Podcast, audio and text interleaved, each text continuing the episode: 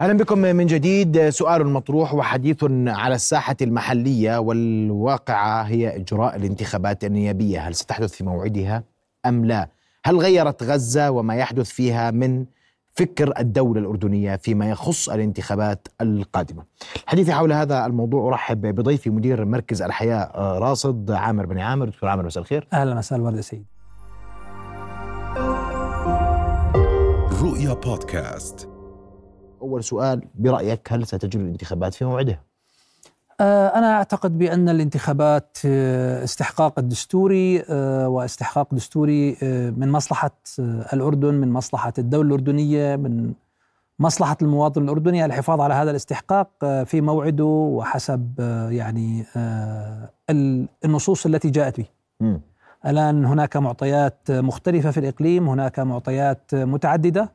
ولكن آه، باعتقاد الأردن أجرى انتخابات آه، في ظروف أصعب وفي مواقيت أصعب وحاليا آه، لا أرى يعني ما يهدد يعني مصلحة الدولة الأردنية في إجراء الانتخابات على العكس قد تكون الانتخابات فرصة في غاية الأهمية لإعادة مع كل ما يحدث في غزة دكتور عمر؟ ما يحدث في غزة هو لا شك أولوية لدى المواطن الأردني أولوية لدى القيادة الأردنية أولوية لدى الدولة الأردنية بكل مؤسساتها من الإعلام إلى الخاص إلى العام وهذا واضح جدا آه لكن يعني أنا أحاول أن أفرق بين اهتمام المواطن الأردني وبين تعاطف المواطن الأردني وبين دعم المواطن الأردني لقضيته الأولى قضية فلسطين وبكل ما تحمله من معنى. وبدناش نعمل مزاودات لأنه هذا أمر واقع. إحنا يعني آه، من مواطن للدولة كله ينسجم في في رأي واحد.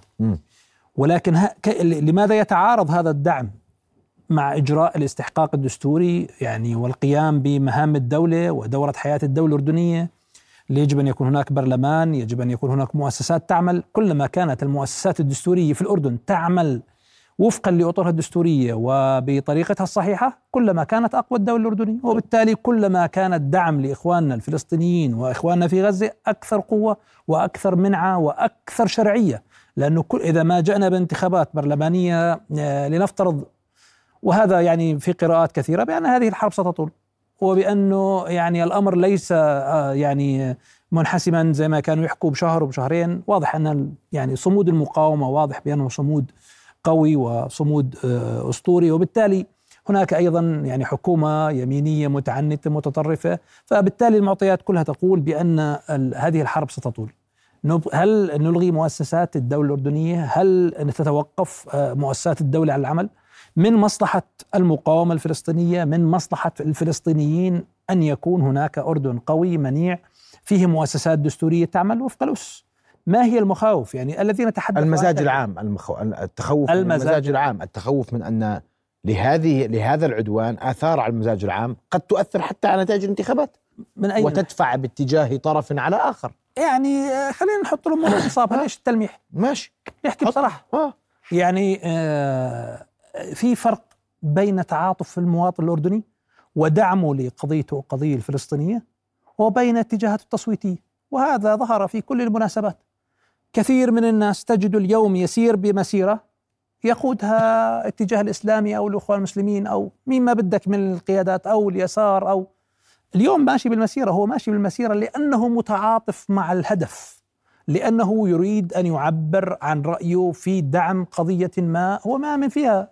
هذه قضية قضية أولوية بالنسبة له. الآن هي القضية هي قضية فلسطين وهي قضية وجود لكن هناك فرق بين هذا الاتجاه وبين هذا الأمر وبين الذهاب إلى صندوق الاقتراع. الذهاب إلى صندوق الاقتراع في الأردن بكل التجارب ثبت بأنه شأن داخلي محلي وليس شأن خارجي.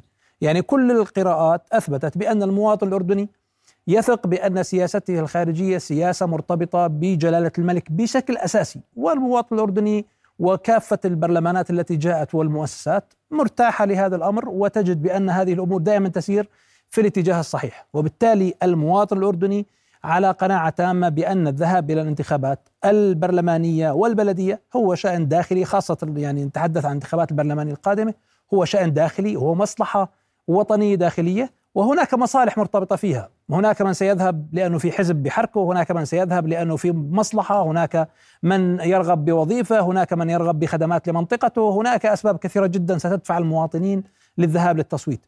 ولكن يجب أن نفرق ولا نخلط الأوراق مع بعضها البعض. هناك انتخابات ب 2016 هناك انتخابات ب 2020 هناك انتخابات بسابقه خلينا نشوف الأرقام وشو اللي بيخوف. يعني لو الإسلاميين جابوا آه، أو يعني حركة الإخوان المسلمين بالمصطلح الدارج جابت عدد زيادة من المقاعد عما كان متوقعا يعني بخمس مقاعد أو بثلاث مقاعد. ماذا يضير يعني؟ ما ما ما هو التأثير الذي سيلحق ما في مخاوف اليوم من من هذا الموضوع؟ بس على مخاوف يعني المخاوف يجب أن تكون أن يكون هناك خطر حقيقي يتهدد الدولة الأردنية. وجود الحركة الإسلامية في البرلمان بالبرلمان الحالي والسابق واللي قبل يعني هم زيهم زي غيرهم من النواب الأردنيين. يقوم بما يقوم به أي نائب في يقدم خدمات يسعى إلى تقديم الخدمات يحاول بين الفينة والأخرى أن يقدم موقفا له علاقة بالمواقف الوطنية أو المواقف القومية أو المواقف القضايا الدينية. وهذا شأن كثير يعني كثير من النواب المميزين في البرلمان لديهم نفس الصفات. يقوم بالخدمات يحاول أن يتفاعل مع القضايا الوطنية يحاول أن يتفاعل مع القضايا الدينية. وبالتالي أنا لا أجد بأن يعني آه وجود نائب أو خمسة أو عشرة من الحركة الإسلامية سيغير من سياسة الدولة أو يشكل ضغطا على مؤسسة الدولة أو أنه سيغير بمعادلات الدولة الأردنية. إذا كان الموضوع مرتبط بغزة وبفلسطين فلا أجد هناك فرق بين موقف الدولة الأردنية وموقف أي تيار سياسي آخر. على العكس موقف الدولة الأردنية متقدم على كل التيارات السياسية. اذا ما اذا ليش الخوف؟ الاستثمار الاستثمار بماذا؟ الاستثمار فيما يحدث في غزة الاستثمار بماذا؟ للمزاودة على الدولة الأردنية لن يجد جمهور لن يجد أي حزب سياسي أو تيار سياسي الجمهور يؤيد في المزاودة على الدولة الأردنية فيما يتعلق بقضية فلسطين أو يتعلق بموضوع غزة، لأن موقف الدولة الأردنية موقف متقدم جدا، وبالتالي الاستثمار هناك نخب يعني هناك مجموعات وهذا ملوش علاقة بس بقضية أنت داخل على على تجربة حزبية مختلفة صحيح؟ هذا أصلا ميزه وقيمة مضافة. آه. تمام. ميزة مضافة ما. عندما تكون الأحزاب جاهزة مهيئة قادرة وفاعلة على الأرض كما غيرها جميل فاعل الأحزاب قادرة قادرة اليوم على أن تدخل انتخابات هذا العام؟ آه، أنا باعتقادي عدد لا بأس به من الأحزاب قادر على أن يدخل الانتخابات. قديش يعني عدد لا بأس يعني على الأقل في عندنا من 8 إلى 10 أحزاب ستكون آه، نشطة ومنافسة ولديها كوادرها ولديها قدرتها التنظيمية وقدرتها التنافسية مع الأحزاب الأخرى مثل حزب جبهة العمل الإسلامي، عشان نكون واضحين نحط الأمور في نصابها. آه، هناك أحزاب بالرغم من قصر. لاحظ شغلة. هناك فترة زمنية قصيرة جدا وتاسست فيها كثير من هذه الأحزاب. وحتى هذه الأحزاب خاصة في بداية الأحداث فيما يتعلق بغزة تفاعلت. وتفاعلت بقوة وحشدت جماهير. هذه الجماهير ليست بحجم الجماهير كما هو الحال مع الحركه الإسلامية حتى نكون واضحين. لأنه لا التوقيت مناسب بالنسبة لهم ولا المكان مناسب. يعني تاريخيا هناك مكان وخصوصية للحركة الإسلامية فيما يتعلق بالمسجد وهذا ليس خطاب يعني كثير من هذه الأحزاب السياسية. هذا أمر مختلف تماما. أنا باعتقادي المقارنة ما بين نسبة التصويت في الانتخابات القادمة لهذا التيار السياسي أو هذا التيار السياسي تختلف تماما عن فكرة التعاطف مع قضية إحنا جميعا مآمنين فيها ولنا جميعا فيها. هناك آه، من هو على عداء تام مع الحركة الإسلامية ويعلن ذلك صباحا مساء وتجد في المسيرة اللي بيقودها الحركة الإسلامية. ليس لأنه على وفاق مع الإخوان المسلمين أو مع غيرهم. طيب هو لأنه مآمن بقضية وهذه الفرصة الوحيدة التي يعبر فيها. أنت متابع أنت تتابع في مركز حياة نعم. أنتم مو أنتم نرصد نرصد بشكل ترصدوا كل التفاصيل. صحيح. أنا بسألك اليوم بتقول لي 18 أحزاب بتنافس على مقاعد في البرلمان؟ بقوة. بقوة؟ بقوة. ستنافس هذه أحزاب موجودة اليوم. إحنا في ناس مش راضي يقتنع بس لكن في معطيات على الأرض. حزب سياسي اللي كان اللي صار اللي عمره سنة ولا عمره سنة ونص واستطاع أنه ينظم صفوفه واستطاع أنه هو يكون عنده مكاتب في كل المحافظات استطاع أنه يكون في بعضهم حتى في كل الدوائر الانتخابية أصبح لديه قوائم أصبح لديه نشاطات منتظمة أصبح يقيم مهرجانات فيها آلاف الناس. هذه الأحزاب لديها جمهور لديها رجال نساء لديها شباب عندهم قدرات في أحزاب. ليش ننكر ليش إحنا ننكر العدمية؟ ليش نروح في اتجاه العدمية؟ كثير من الناس يجلد الأحزاب السياسية. طيب إيش البديل؟ تفضل. أنت مش عاجبك ولا حزب سياسي. ليش ما بادرت أنت تأسس أنت ومعك مجموعة ثانية مجموعة حزب سياسي يا أخي نوعي له مذاق ولون خاص وطعم خاص؟ ليش أنت ما أخذت هذه المبادرة؟ العمل العام محمد وأنت تعلم ذلك والجميع يعلم. العمل العام مشقة كبيرة جدا. التفاعل مع الناس ليس بالأمر السهل. صدقني الحزب السياسي الناشئ الذي يستطيع أن يجمع ألف وألفين آه، وثلاث ألاف للتفاعل معه هذا حزب آه، يعني يعول عليه الكثير. لأنه مش أمر سهل التفاعل مع الناس اليوم لأنه الناس عندها ضائقة اقتصادية عندها أولويات. وبعدين إحنا قبل قبل شهرين أو شهر ونص عملنا دراسة وسألنا المواطنين شو أولويتهم. حتى في ظل أصعب الظروف اللي هي كانت في كانت أزمة غزة في أوجها ما زال الهم الاقتصادي رقم واحد. ما زال الهم الاقتصادي هو الشغل الشاغل والهم الأول الذي يمكن أن تغازل فيه جميع المواطنين الأردنيين وبالتالي الحزب السياسي الذي يغازل المواطن الأردني في همه الاقتصادي في همومه الأخرى سيكون له حصة لأنه الجميع يعلم بأن لا الحركة الإسلامية ولا غيرها من الأحزاب السياسية ستستطيع أن تحدث فارقا في السياسة الخارجية الأردنية. في القضية الفلسطينية هناك موقف متقدم في له تأييد كبير جدا، في باقي القضايا هناك ثقة بالنظام السياسي بما يقوم به من خطوات، وبالتالي عدنا إلى الشأن الداخلي، فما الذي يمنع من إجراء الانتخابات في ضمن هذا الشأن الداخلي؟ طيب اليوم ونسبة المشاركة وإقبال الناس على الانتخابات هذا كله تعلمات سؤال ما هي موجودة. صحيح. إحنا كل سنة من كل سنة انتخابات بنبلش هاي البلشة قديش صوت قديش النسبة ليش عمان ما صوتت ليش الزرقاء ما صوتت ليش؟ صحيح. صحيح. طيب. هذا على كل ما يحدث اليوم ألا يمكن أن يؤثر سلبا في هذا الجانب أيضا؟ سؤال. ولا إجابا إحنا إذا ما اتفقنا بأن الانتخابات البرلمانية في الغالب سيكون أولويتها أولوية وطنية وأولوية داخلية آه، فإنه آه، نسبة التصويت ستكون كما كانت أو ستزيد. لنتفق على أن الانتخابات الماضية نسبة التصويت كانت متدنية لأن إحنا كنا بظروف كورونا ولا غير ذلك. لكن أيضا اليوم أنت وجود عدد من الأحزاب السياسية الناشطة سيؤثر في ارتفاع نسبة التصويت. م. وجود قوائم حزبية على المستوى الوطني سيؤثر ويرفع من نسبة التصويت لأنه سيخوض الانتخابات شخصيات وطنية، إحنا في كل الاستطلاعات السابقة لما كنا نسأل المواطن الأردني شو ممكن يجذبك للانتخابات؟